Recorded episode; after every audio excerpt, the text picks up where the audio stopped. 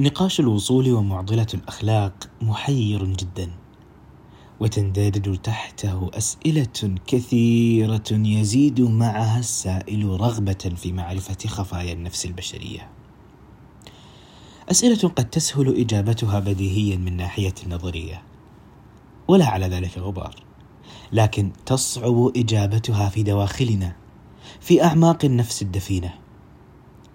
فاختيار ما اعتاد الناس والعموم تصنيفه خيرا هو في ظاهره أمر سهل يسير كقضية اختيار قرار إنقاذ شخص ينازع الحياة على سفح جبل أم الإجابة على اتصال هام مثلا؟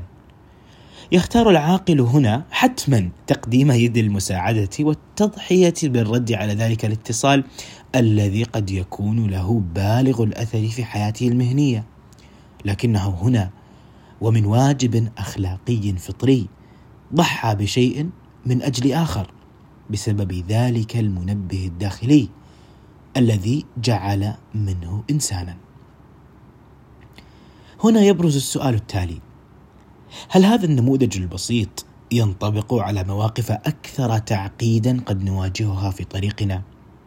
وقد تتأثر بها حيوات آخرين أو حتى إن لم يكن لها علاقة بحياة شخص بشكل مباشر.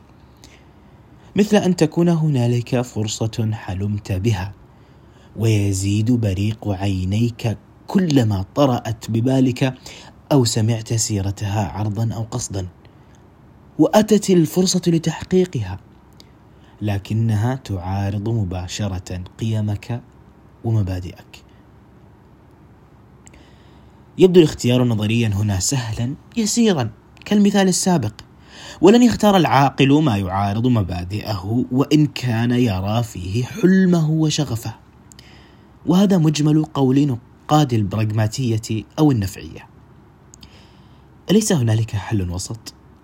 أليس هنالك ما يجمع بين الوصول للمبتغى وما نستطيع معه ألا نعيش مع غصة انهدام ذلك الجبل العتيد من القيم والمبادئ التي لم نكن حتى في أسوأ الكوابيس أن نرضى أن نرى شرخا فيها.